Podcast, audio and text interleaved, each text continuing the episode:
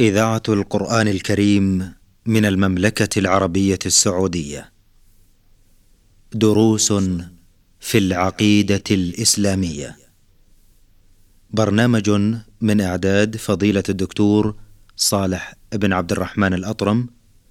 تقديم فهد بن عبد العزيز السنيدي. تنفيذ خالد بن محمد الزيد. بسم الله الرحمن الرحيم الحمد لله رب العالمين والصلاة والسلام على أشرف الأنبياء والمرسلين نبينا محمد وعلى آله وصحبه أجمعين أيها المستمعون الكرام السلام عليكم ورحمة الله تعالى وبركاته أسعد الله أوقاتكم بكل خير وأهلا ومرحبا بكم إلى هذا اللقاء الطيب المبارك الذي يجمعنا بفضيلة الدكتور صالح بن عبد الرحمن الأطرم عضو هيئة كبار العلماء في مطلع هذا اللقاء نرحب بكم فضيلة الشيخ صالح فأهلا ومرحبا بكم حياكم الله حياكم الله شيخ صالح في حلقة ماضية تعرضنا إلى موضوع هام.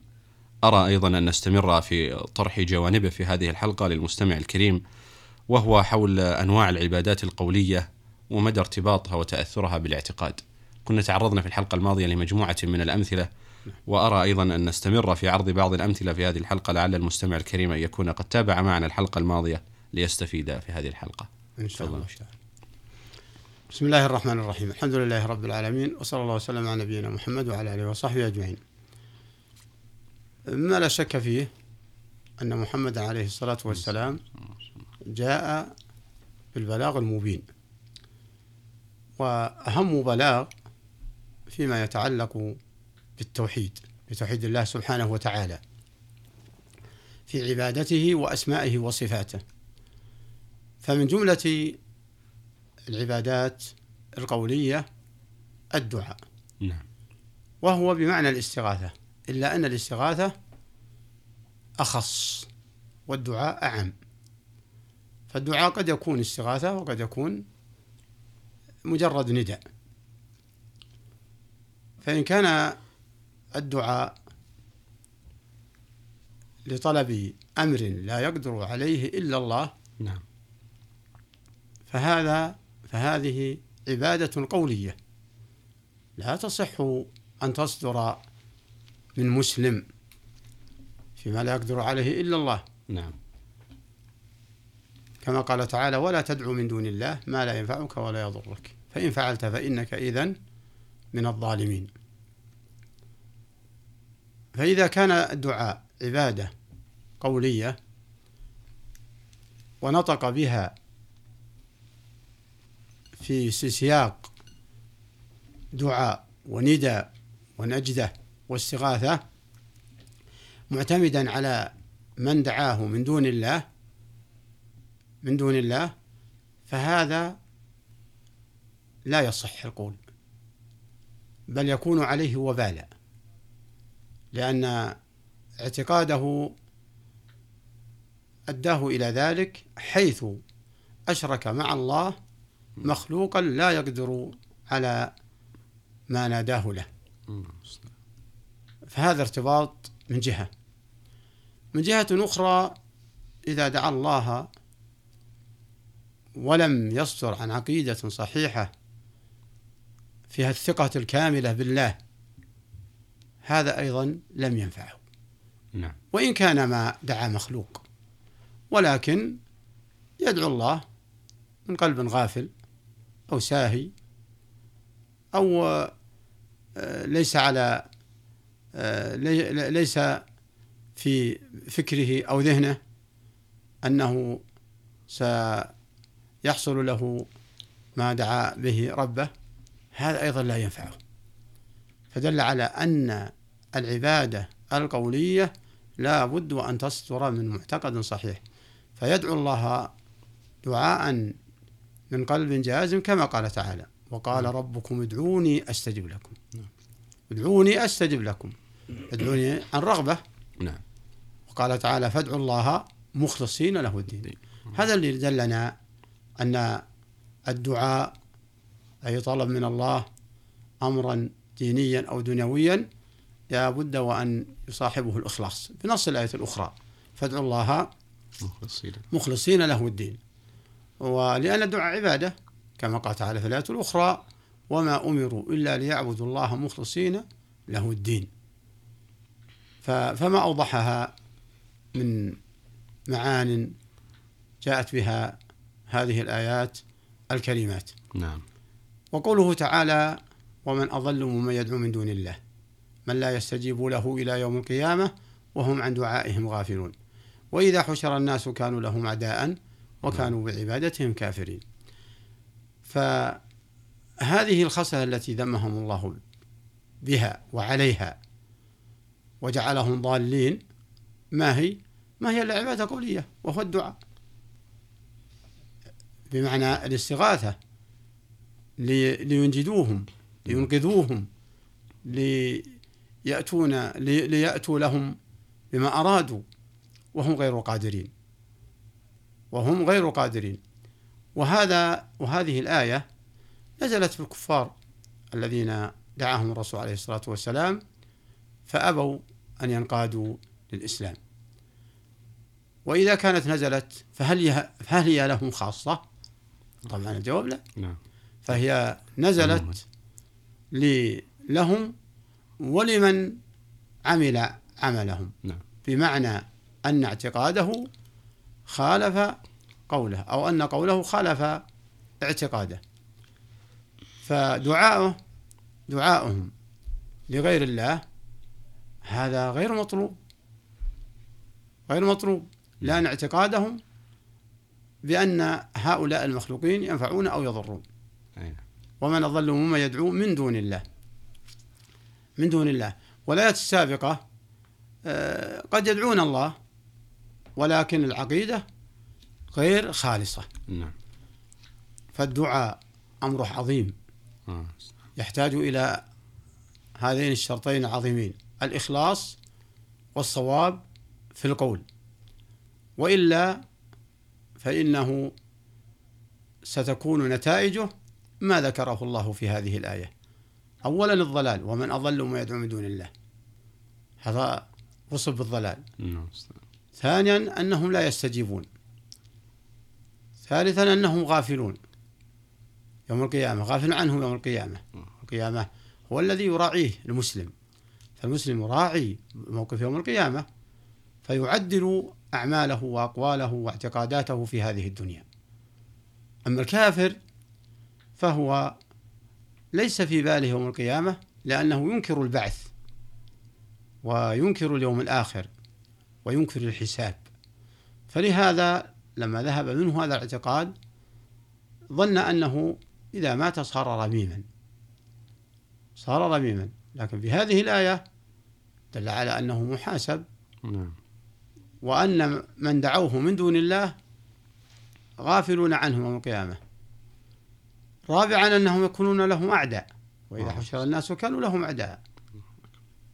كانوا لهم أعداء. نعم. خامسا أنهم يكفرون بعبادتهم ويجحدونها وكانوا بعبادتهم كافرين فما أوضح هذا الارتباط بين الأقوال والمعتقد هذا من العبادة نعم. إشارة للعبادة آه، القولية إذا كانت دعاء نعم. وطلب واستغاثة فضيلة الشيخ قبل أن ننهي هذه النقطة نعم. أيضا أرى لزاما علينا أن نتحدث حول مسألة الدعاء مرة أخرى نعم لما نراه من واقع إخواننا المسلمين من الله علينا وعليهم بالهداية والتوفيق. من دعاء غير الله عز وجل والاستغاثة بالأموات ودعائهم وطلب الحاجات مما انتشر في بعض البلاد الإسلامية. نعم. والحقيقة أن الأمر يحزن كثيرا وأن هذه القناة أو هذه الإذاعة كثيرا ما تحدثت عن مثل هذه القضايا من مجموعة من علمائنا غير أننا نود في هذه الحلقة أن نؤكد على هذه النقطة تأكيدا بالغا. نرى انتشار دعاء غير الله عز وجل. هذه الظاهرة الخطيرة جدا في مجتمعاتنا المسلمة. شيخ صالح هل لكم تعليق عليها؟ بارك الله فيكم. آه نعم. هو في الحقيقة نفس ما تقدم. آه الإشارة إلى ما تفضلت به واضحة. وكذلك ما أشرت إليه من آه ما ينطلق من هذه الإذاعة. نسأل الله الثبات لنا وللقائمين عليها ولمن ساندها. ومعلوم أن الذي تكلم في هذا الموضوع من علماء المسلمين. لا تكلم بها آه، علماء من مجموعة أقطار ومن مجموعة بلدان. وما تفضلت به من الإشارة إلى دعاء الأموات والاستغاثة بهم هذا هو نفس ما جاء في القرآن وما جاء في سياق آه، ثلب كفار قريش إنهم يتعلقون بهم فالذي يدعو الأموات مثل السابقين الذين يدعون يدعون الجن نعم. ويدعون الأموات ويدعون الملائكة فالميت الصالح اعمل بأعماله الصالحة في حياته وأما إذا مات فهو المحتاج لك بأن تدعو له ربه آه. بأن يغفر له كما جاء في القرآن وكما جاء في السنة ربنا اغفر لنا ولإخواننا الذين سبقونا بالإيمان. ولم يأتي في القرآن أن الميت يدعى أو يأتي في السنة أن الميت يستغاث به. لأنه لو كان عنده مقدرة لمنع الموت عن نفسه. نعم. ولم ولما رضي بأن يدفن آه، تحت آه، التراب. وهذا ناشئ عن عن الج- الجهل. وعن أيضا آه، اعتقادات قد تكون لا تبرر وعن المضل ومن ومن أفكار المضللين أيضا نعم. آه، الذين قد ينالون مصلحة دنويه نعم. من ذلك. الله المستعان ف- ف- فالمسلم الصحيح يتقي الله ويطلب ربه الحي القادر القيوم سبحانه آه الذي أمات وأحيا والذي يطعم ويسقي. هذا ال- العاقل. بل عفوا شيخ إن نعم. أشرف المخلوقين نعم. عليه الصلاة والسلام وهو أقربهم صلة بربه سبحانه وتعالى قال لا تجعلوا قبري عيدا. نعم. كأنه يشير أيضا إلى هذه القضية أنه مخلوق. نعم. لا يملك قدرة عند قدرة الباري سبحانه وتعالى فالدعاء يتو- يتوجه به إلى المولى جل ذكره. ما أشرت إليه ينهى عن وسيلة الدعاء. نعم عن الوسيلة فضلا عن, عن الدعاء. الوسيلة فضلا عن الدعاء. نعم. فلهذا قال لا تجعلوا بيوتكم قبورا. ولا تجعلوا قبري عيدا. نعم. يعني صلوا في بيوتكم واقرأوا في بيوتكم. أما عند القبور فلا تتعبدون عندها. نعم. وإنما من أراد أن يسلم ثم يرجع فهذا جائز وهذا دليل على أن الأموات هم المحتاجون للأحياء. لأن الرسول عليه الصلاة والسلام شرع. آه، أن يأتي الحي فيقول السلام عليكم أهل دار قوم مؤمنين يغفر الله لنا ولكم. وإنا إن شاء الله بكم لاحقون. فدل هذا على أنهم المحتاجون للأحياء بالدعاء لهم. ولم يأتي بأن الأحياء محتاجون للأموات بالاستغاثة آه، بهم. ف فإذا حصل هذا واضح في القول فإنه يعتبر آه، عبادة للأموات حتى ولو لم يعتقد. فضلا ما فضلا إذا اعتقد. نعم. فهناك بعض العبادات تكون ممنوعة ومحرمة ويحكم بمقتضاها ولو ولو ما ولو ما ولو ما حصل اعتقاد. لا ثم أيضا هنا آه، ليس الاعتقاد بمعنى أن يعتقد أن الميت يخلق أو يرزق. لا كل يقر أن الخالق نعم. الرازق هو الله نعم. سبحانه وتعالى. نعم. وإنما يتأولون أنهم شفعاء. آه، نعم. وجاء القرآن وسيأتي إن شاء الله في حلقات مقبلة آه، نفي الشفاعة عن كل مخلوق إلا بعد أن يأذن الله. وإذا كان بعد أن يأذن الله فاطلبها من الله بما نعم. يرضي الله سبحانه وتعالى ثم يأذن للشافع. نعم. نعم. أحسنتم بارك الله فيكم. فضيلة الشيخ في الختام آه، نتوجه لكم بالشكر الجزيل.